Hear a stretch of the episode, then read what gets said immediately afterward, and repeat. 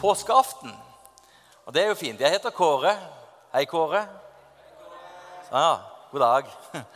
Og så eh, er det sånn at eh, det er ikke så vanlig å ha gudstjeneste på eh, påskeaften, egentlig. Det er ofte at eh, man liksom har eh, full rulle på skjærtorsdag. Da vet alle hva de skal snakke om. Det er det siste måltidet og Getsemane. vi kan liksom fortelle i det vide og det brede. Det er masse å, å ha om der. Og så kommer lang, langfredag med korset. Det er også lett å pre preke om, for der kan vi snakke om eh, alt som skjedde fra morgenen og til Jesus døde og eh, hang på korset. Jeg gjorde et lite søk jeg, vet du, på eh, noe som heter Sermon Central, hvor det ligger over 50 000 prekener. Eh, og eh, jeg tenkte jeg skulle se om, Er det noen prekener om denne herre dagen i dag? palmesøndag. Og jeg fant jo hundrevis som handla om langfredag, og like mange om oppstandelsen på søndagen. Masse prekener. Men jeg fant ikke noen på, på akkurat denne dagen. Av alle de 50 000. Men det var noen om døden, da. Men ikke spesielt om eh, denne lørdagen her. Palmesøndag Nei, unnskyld. palmesøndag. Eh, hva heter det? Påskeaften.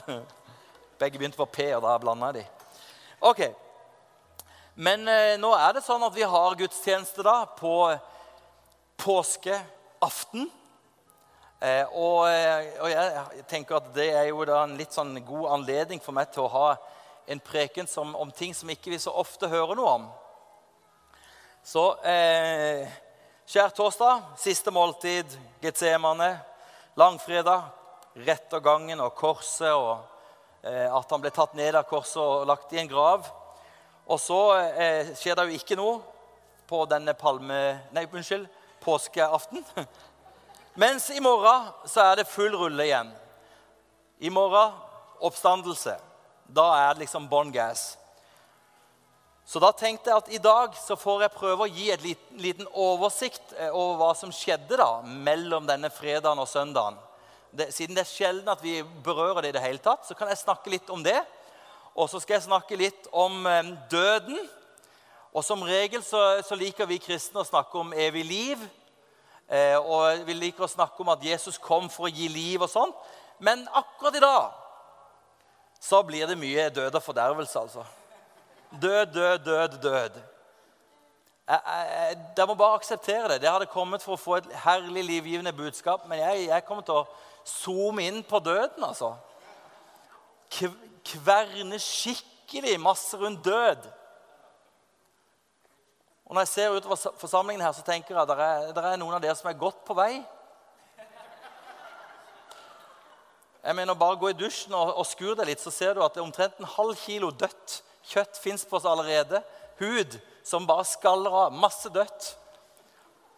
Eh, og Vi er halvveis døende og zombier, alle mann. Men eh, jeg skal gå mye dypere enn bare å scratche deg i huden. Vi skal gå skikkelig dypt inn i døden i dag. Bø! Ok? Ja, det er spennende, ja. Eh, og, og, kanskje til og med kan ta en, en, liten runde hvor vi finner litt eh, hvile og, og litt, noe som er litt godt også å høre. da. Jeg garanterer ikke at alt blir godt. Ok? Ja, dere valgte sjøl å komme i dag. Så sånn er det. Og jeg tenker jo også at det kan være litt fint av og til å dvele ved, stoppe opp og tenke på døden. Det kan være litt greit. Er det ingen av oss som har prøvd å dø ennå. Så vi vet jo ikke alt om det. ok? Ingen av oss har vært gjennom en dødsprosess. Så Derfor så skal vi jo behandle det litt forsiktig også, ikke være skråsikre i, all, i alt vi sier.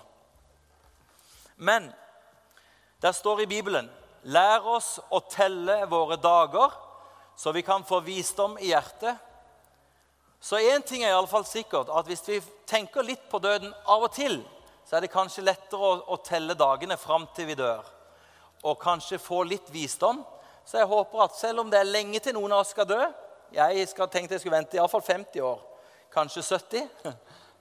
Jeg blir 50 til sommeren, så da, da, jeg må dra det langt. da. Men eh, det hadde vært fint å bli så gammel som eh, Billy Graham ble. Han ble 99. Så det hadde vært topp. Men eh, hvis jeg ikke skulle bli så gammel, så ok. Det, det er greit, det. Min pappa døde og ble begravd på eh, sin bursdag, sin 70-årsbursdag. Så det går an å dø tidlig også. Litt tidligere. Mens han hadde en bror som døde som 16-åring. Så det går også an å dø veldig tidlig. Det vet man ikke.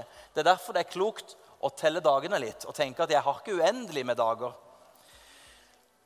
Nå skal vi begynne å lese et vers fra Bibelen aller først, som, eh, som er litt merkelig. Men eh, det, kan, det, å snakke om døden er jo litt merkelig, så la oss, la oss bare begynne med et merkelig vers om døden. ok? I Forkynnerboken, kapittel, eh, kapittel 7 og vers 1-4, så står det sånn Man har hørt godt etter. Godt navn er bedre enn fin salve. Og dødsdagen er bedre enn dagen man blir født. Det er jo en påstand, da.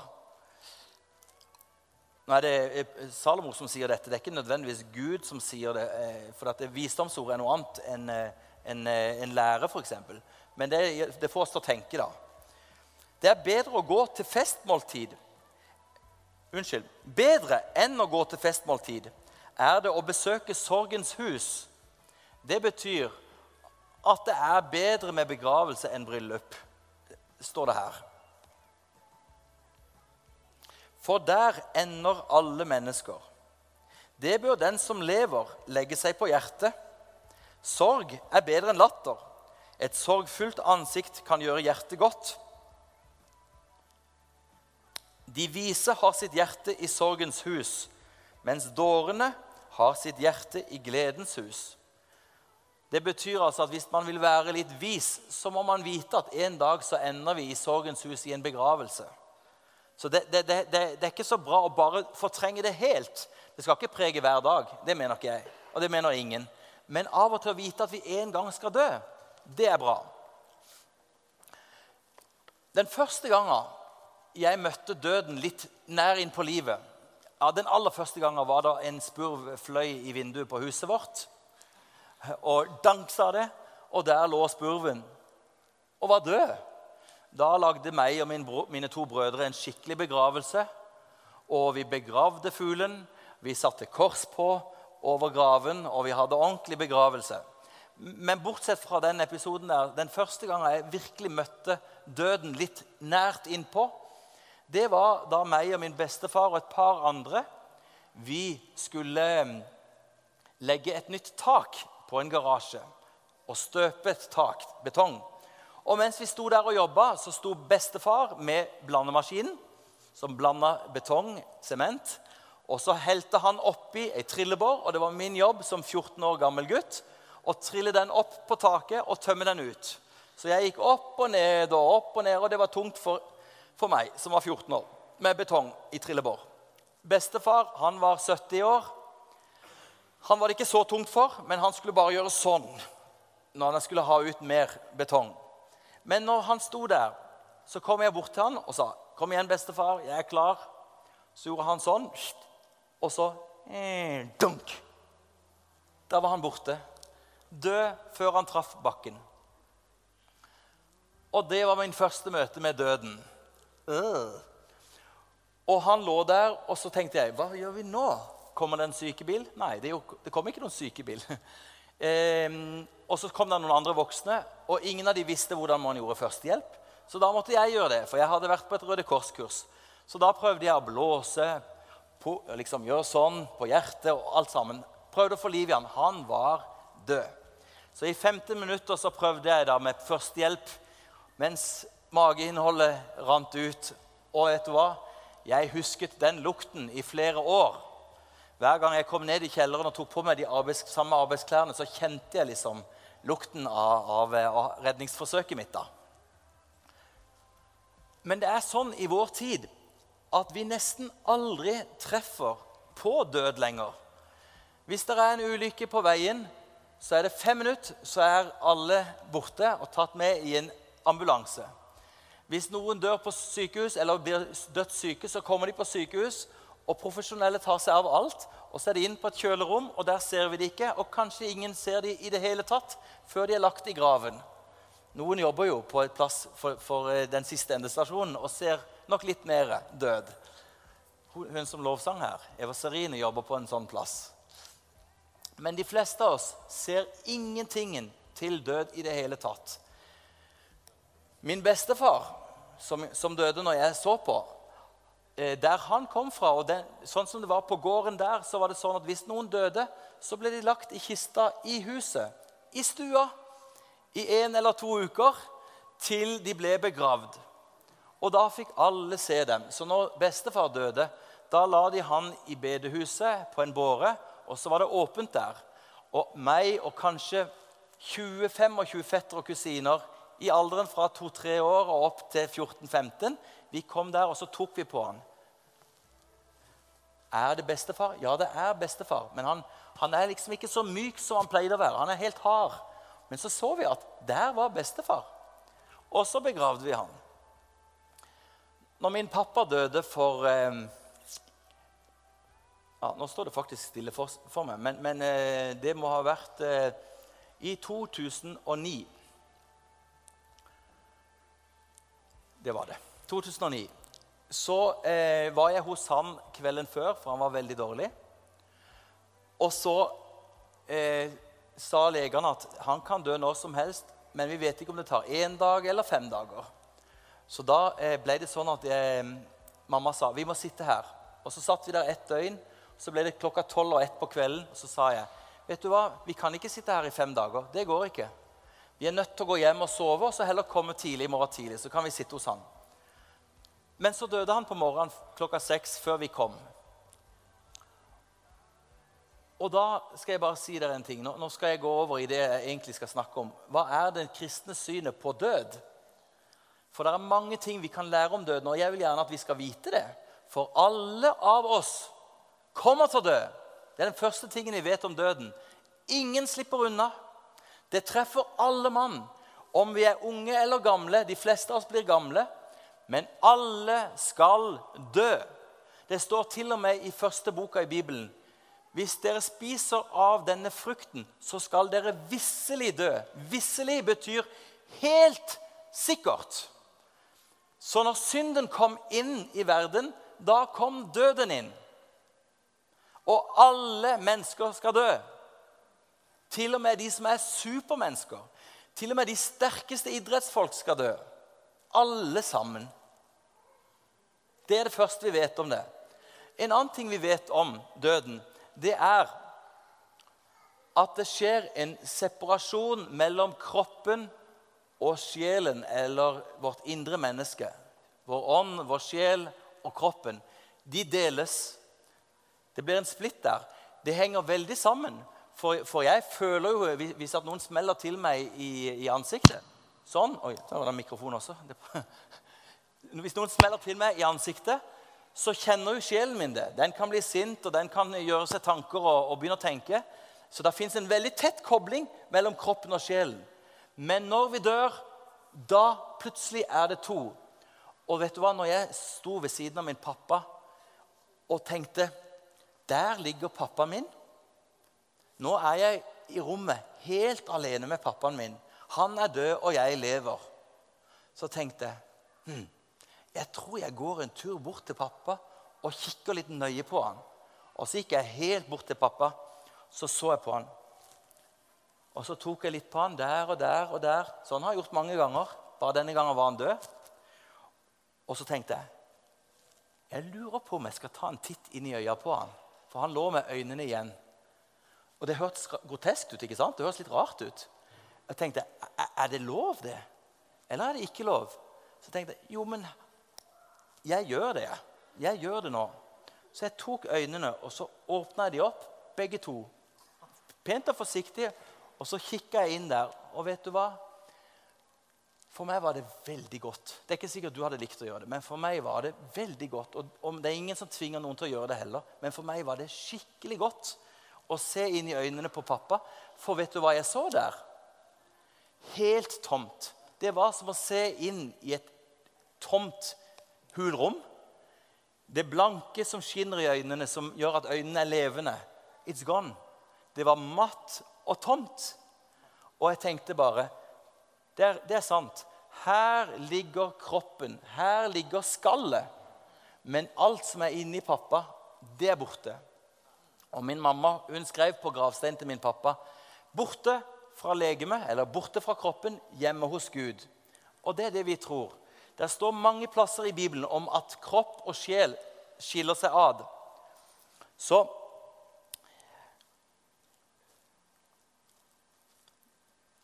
Paulus han sa det er bedre å være borte fra legemet og hjemme hos Herren. Det forteller om at det er et skille. Vi går vekk fra kroppen vår. Skal jeg ta noen, noen få ting her? Bibelen sier også, selv om vi leste noen litt rare vers i starten her om, om at begravelsen er bedre enn en bryllupet, liksom, så, så kan vi også lære at døden er en fiende. Bibelen sier det at døden er den siste fiende. I 1. Korinterne kapittel 15 og vers 26 så står det at døden er den siste fiende. Derfor er det naturlig for oss å kjempe mot døden. Ingen har lyst til å dø, og vi skal kjempe mot den, for det er en fiende. Så lenge vi kan, så prøver vi å stoppe den. Det er ikke bra når noen prøver å, å, å si at det er ok med død. Mm, mm, mm, mm. Det er ikke ok. Det er en fiende. Du gjør rett i å kjempe mot det så lenge det går an. Er det greit? Og de som sier at døden er en løsning nei, det er en fiende. Alltid en fiende. Det er Min pappa, da, som døde som en, Han var doktor. Han, han sverget jo, så, som det heter, en legeed. Og det har leger opp gjennom i mange tusen år gjort. Hieronymus tror jeg det var, han hadde en ed om at man skulle kjempe for livet ikke mot livet. Doktorene skal kjempe for livet, mot sykdom, mot død. Det er kjempebra. Så ære være alle dere som er på laget med livet. Så døden er en fiende. Men samtidig så ser vi også at døden er en overgang.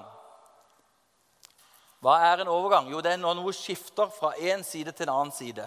Da er det liksom en overgang derfra og over dit.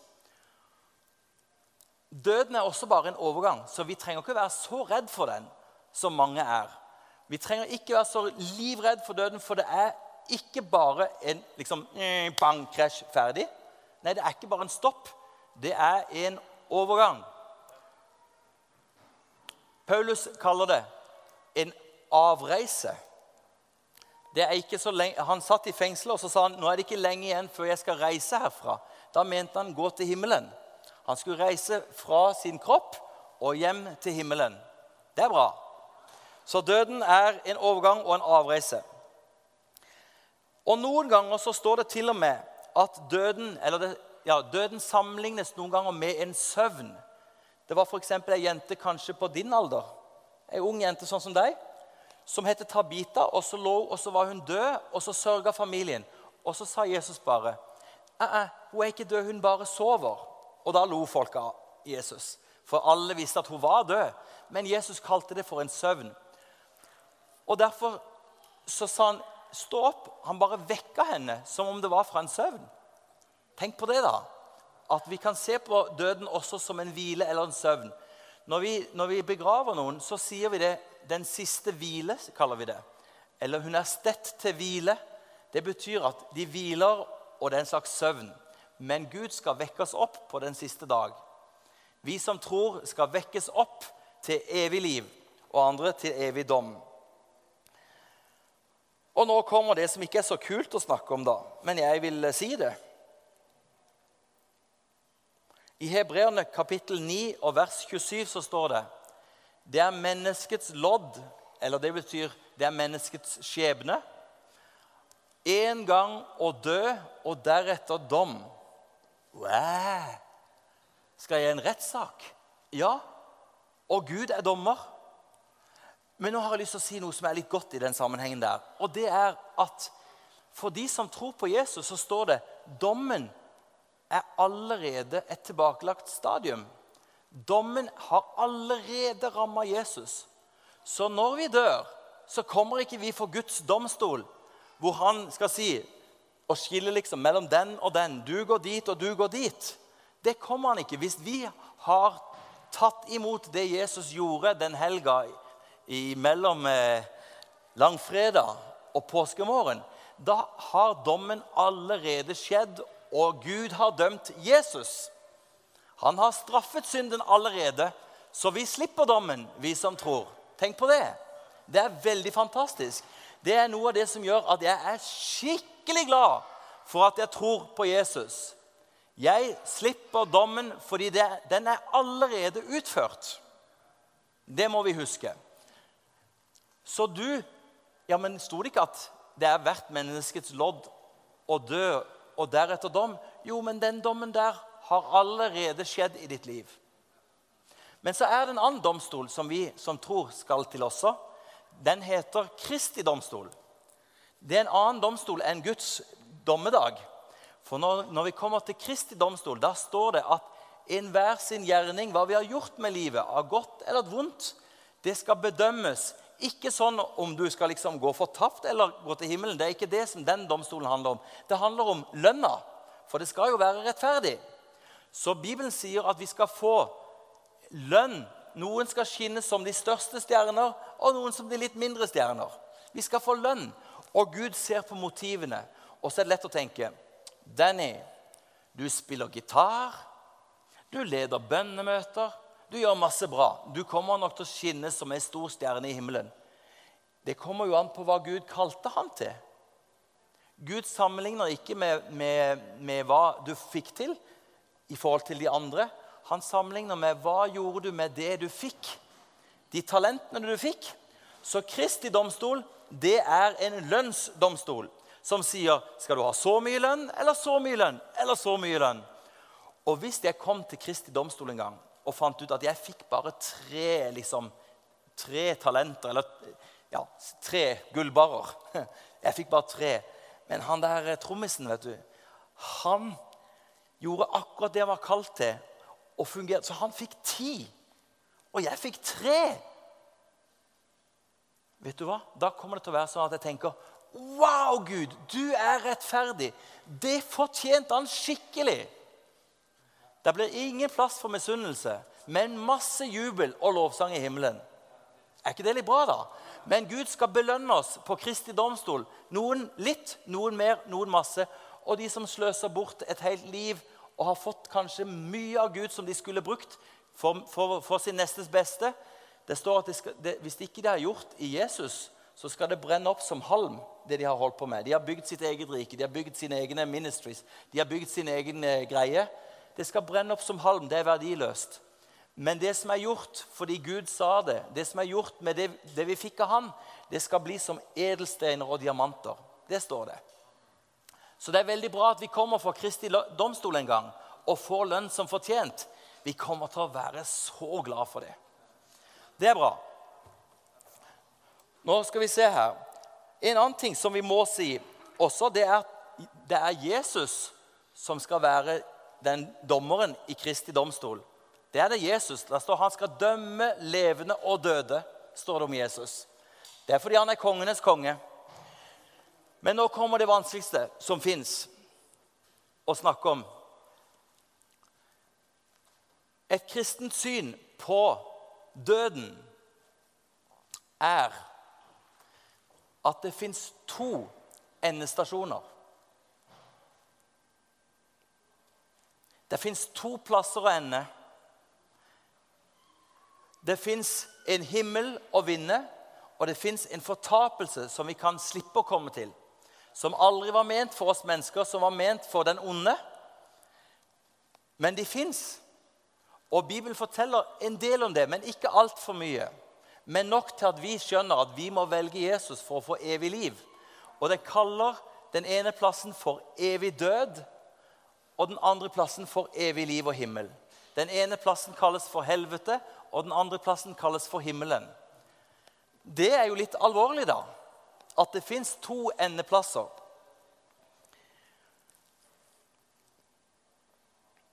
Mm.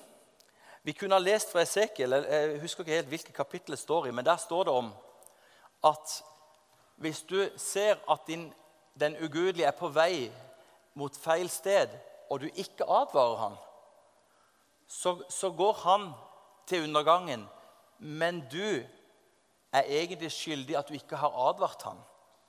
Men hvis du har sagt ifra at nå, nå går du på feil vei, så er du uten skyld. Så det er viktig at vi også sier at det fins to endestasjoner. Og Jesus han er veien, sannheten og livet. Jesus er veien til Faderen. Ingen kommer til Faderen uten av Jesus, uten ved Jesus. Så det er bra. Jeg har lyst til å si en ting til. For innimellom så syns jeg livet er skikkelig, skikkelig urettferdig. Tenk på meg. For ti år siden så hadde jeg starta et lite firma som heter Givertjenesten. Og det gikk dårlig. Jeg klarte ikke å få det opp. Jeg jobba i seks måneder med det, og så gikk det under. Så jeg ble arbeidsledig og tenkte jeg har ikke lyst til å ha arbeidsledighetspenger. Men så har jeg familie. OK, jeg får si ja. Og så fikk jeg noen måneder med arbeidsledighetspenger og levde godt allikevel før jeg fikk meg en ny jobb. Ok? Så har jeg en god venn som heter Bubakar Keita. Han er fra Gambia. Han har vært i Norge, han har bodd i mitt hus. Jeg snakker med han annenhver tredje hver uke. Han bor i, i Spania nå. Livet er ganske urettferdig. Han jobber det han kan klare. Men vet du hva han må jobbe med? Fordi det er 40 arbeidsledighet i, i, i eh, Barcelona-området. Vet du hva han må jobbe med? Han går på søpla og finner metallbiter. Samler metallbiter. Og når han har funnet nok metallbokser, ledninger, smått, og funnet noen kilo, så går han til en skraphandler, og så får han en euro. Nok til at du kan kjøpe en, en sekk med, med, med ris. Det er hans liv. Det er skikkelig urettferdig. Og akkurat nå så har kona hans født han en sønn i Gambia. Og hun har behov for blod. Men hun får ikke det hvis ikke de betaler for blodet. Og det koster nesten 1000 kroner literen. Det er ikke lett for Baba å se kona si krympe og kanskje dø. Hvem vet? Livet er ganske urettferdig. Du lever kanskje på toppen av ei kransekake eller på toppen av eh, liksom, næringskjeden. Mens noen andre ble født der det ikke var så greit å leve. Døden, det er dagen da Gud sørger for rettferdighet. En, en gang så blir det rettferdighet. Det står at de som gråter nå, skal, skal glede seg siden. De som fikk lite nå, de skal få igjen der oppe. Jeg er veldig glad for at det fins rettferdighet. Om det ikke fins rettferdighet her på jord alltid, så fins det rettferdighet i himmelen. Døden er sånn sett et ganske godt budskap når vi tror på det evige livet. For da skal rettferdighet seire.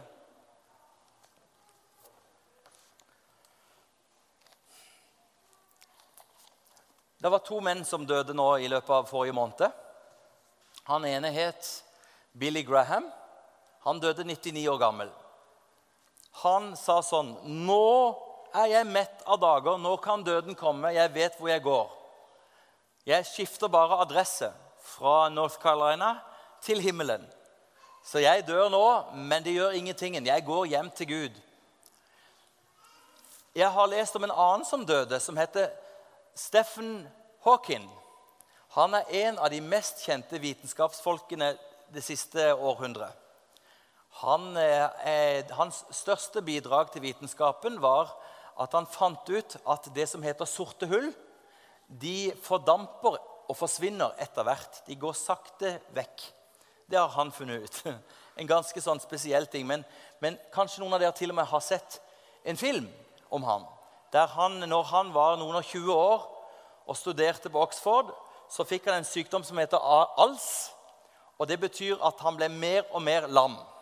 Og så Til slutt så satt han litt sånn i sin eh, rullestol, og så skrev han litt, og så snakka datamaskinen for han.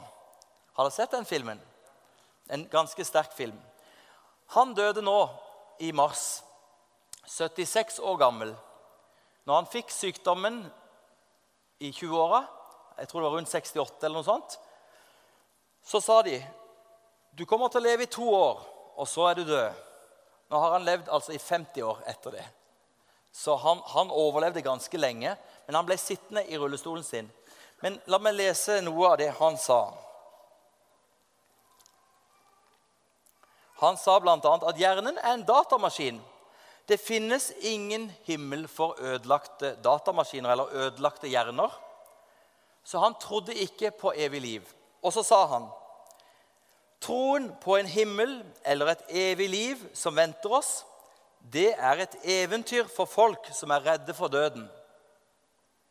Han tenkte at når han dør, så er alt slutt. Det er som å skru av å kaste en datamaskin. Jeg kan si dere en ting. Stephen Hawkins han er ikke lenger en ateist. For nå har han møtt Gud. Så han hevdet at det var ingen Gud. Men nå har han møtt ham, for nå er han død.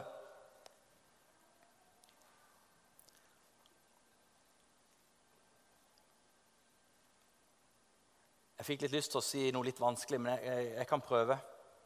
Når noen sier troen på himmel eller evig liv er et eventyr for folk som er redde for døden, da gjør de egentlig noe som heter bulverisme. Og det er en logisk feilkobling. For han begynte da å kritisere f.eks. min tro på evig liv ved å si at egentlig tror du fordi du er redd for døden. Det er derfor du tror. Så kritiserer han mitt motiv i stedet for å kritisere min tro. Han, han prøver ikke egentlig å si at jeg kan bevise at, at det ikke fins evig liv. Han sier bare du gjør det fordi du eh, blir trøsta. Men da kunne jeg ha snudd på den og sagt det samme til han. Nei, du tror ikke på evig liv fordi du er redd for å møte Gud. Det er akkurat det samme. Jeg kan, jeg kan snu den. Det er, som, det er, du som, har et feil motiv. Du er redd for å møte Gud, og derfor tror du ikke på det evige livet. Ikke sant? Det blir samme argument. Men egentlig så er det klart at Billy Graham han døde med håp, mens Stephen Hawking han døde uten håp. Det er kjempeforskjell på det. Min svigerfar sitter her nede. Vi var i din mammas begravelse for bare noen uker siden. Hva Hva syns jeg om det? Vet du hva? Jeg tenker nesten som det sto i det åpningsverset, at det er bedre å gå i en begravelse enn å gå i et bryllup. Når jeg tenker på din mamma fordi det var håp der. Det var ikke slutt. Det er på gjensyn. Det er Du har fullført løpet. Du har bevart troen. Nå ligger rettferdighetens krans rede for deg. Det var så mye håp i den samlingen. Jeg syns det var fantastisk. Det var godt så snakka jeg med en prest som var prest oppe i, i dalen her, i Groruddalen for noen år siden. Han sa jeg har nå vært prest i Bredtvet kirke i over et år. Jeg har hatt én begravelse som har vært kristen. De andre begravelsene har ikke vært kristne begravelser. En gang ville de synge salmer og snakke om håpet. De andre gangene var det sanger fra John Lennon. Imagine there's no heaven, imagine there's no hell den typen sanger. Og han sa det er så forskjell på en begravelse med håp og en begravelse uten. Det er to forskjellige ting. Og vi vet hvor godt det gjør med håp. For egentlig, den dagen vi mister håpet, da er livet slutt. Men vi må ha håp, vi mennesker. Og Gud har gitt oss et levende håp. Det er fantastisk. Et håp som går forbi hele grava, forbi hele døden. Håp er jo et anker. Det ankeret der er ikke bare noe vi fester liksom i huset vårt eller i bilen vår. Vi kaster det ankeret helt inn i himmelen, og der fester vi det skikkelig. Et anker som går forbi forhenget, står det, og inn i det aller helligste. Der er vårt håp festa. Derfor kan vi se døden rett i øynene og være trygge likevel. Vi kan tro selv når det er dødt. Og nå har jeg snakka så lenge om punkt én av fire at jeg lurer på om jeg er splitter pine gal. Åssen går det an å snakke så mye om så lite? holdt jeg på å si. Nei, det var ikke så lite, da. men Åssen går det an å snakke så mye om, om så mye? Halleluja.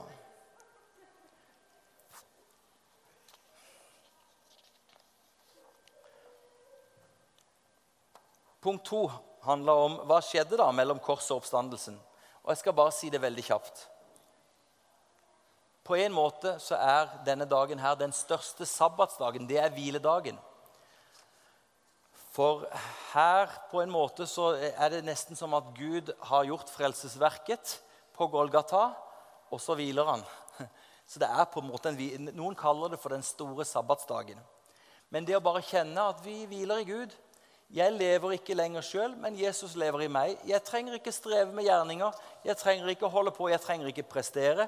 Det er ikke sånn at Gud er veldig fornøyd Kåre, hvis du klarer en skikkelig bra preken nå. Men hvis du ikke klarer en bra preken, så pff, vi finner en annen pastor. Nei, nei. nei, nei. Jeg, jeg, kan slappe helt av. Jeg har ikke noe følelse av stress. Fordi det er eh, ikke palmesøndag, men påskeaften. Det er påskeaften.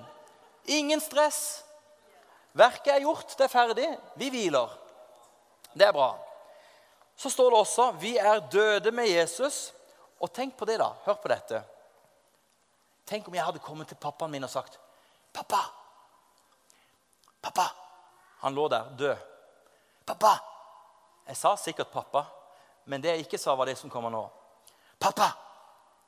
Hvis du eh, sniker deg opp og går rundt der borte' så så jeg at noen hadde glemt igjen 1000 kroner på et bord der. Gå og ta det, vel. Stjel det! Hvordan reagerte pappa hvis jeg hadde sagt det? No reaction at all. Ingen reaksjon. Han er død. Han lar seg ikke friste. Det biter ikke på han.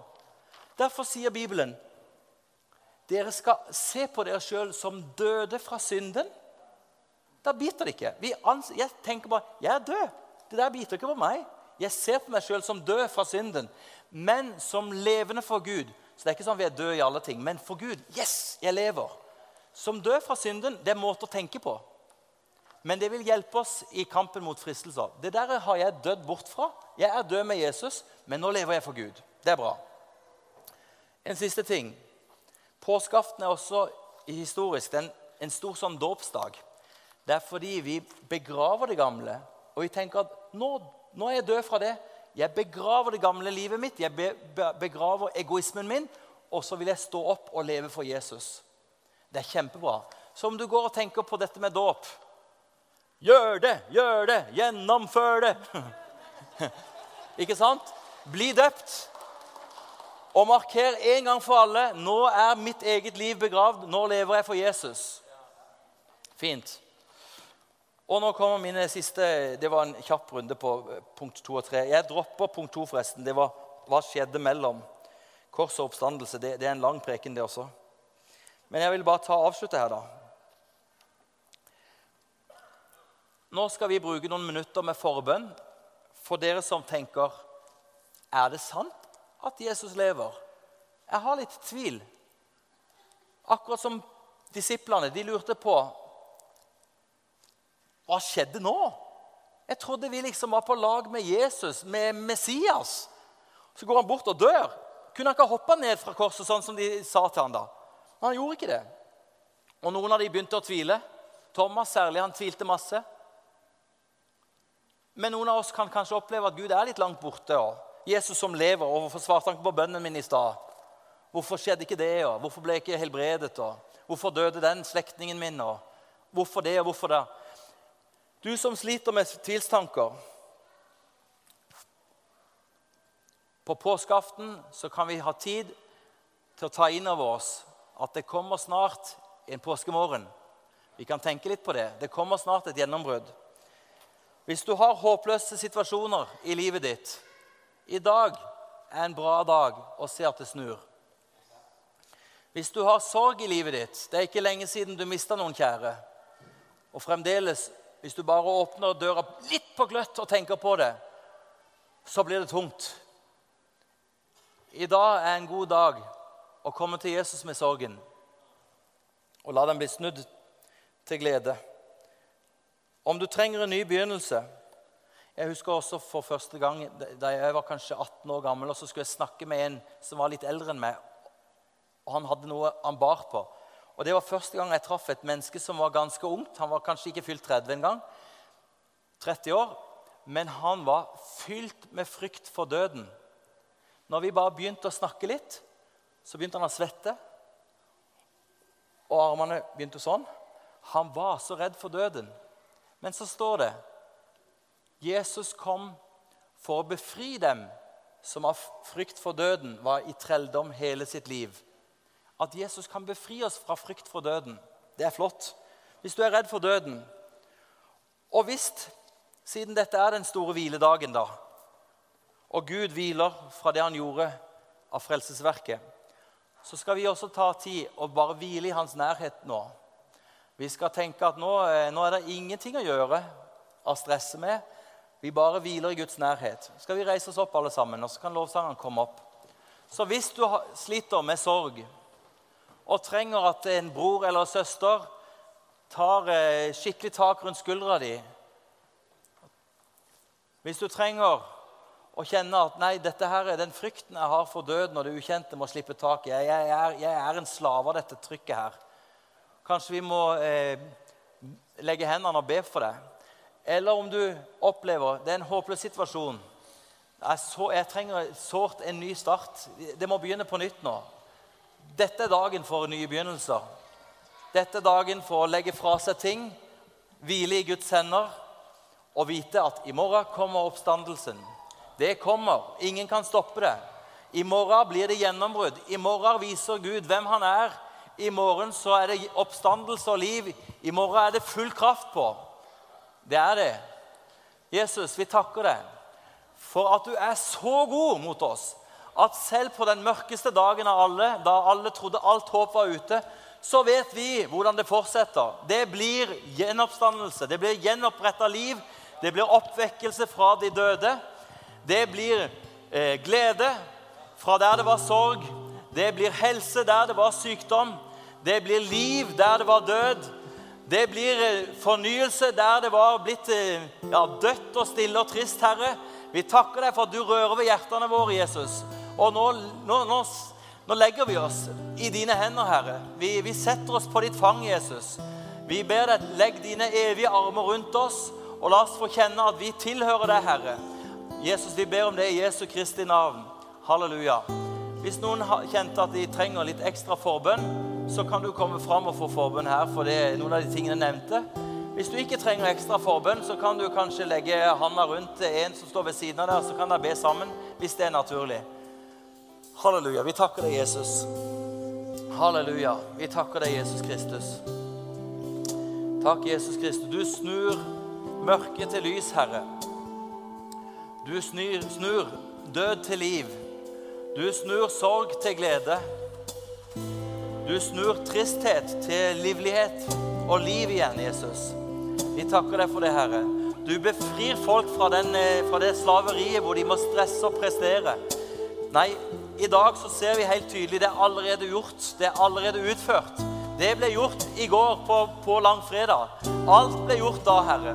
Vi takker deg for det, Jesus. Amen. Halleluja. Og så står vi bare og lovsynger vi Jesus en sang eller tre.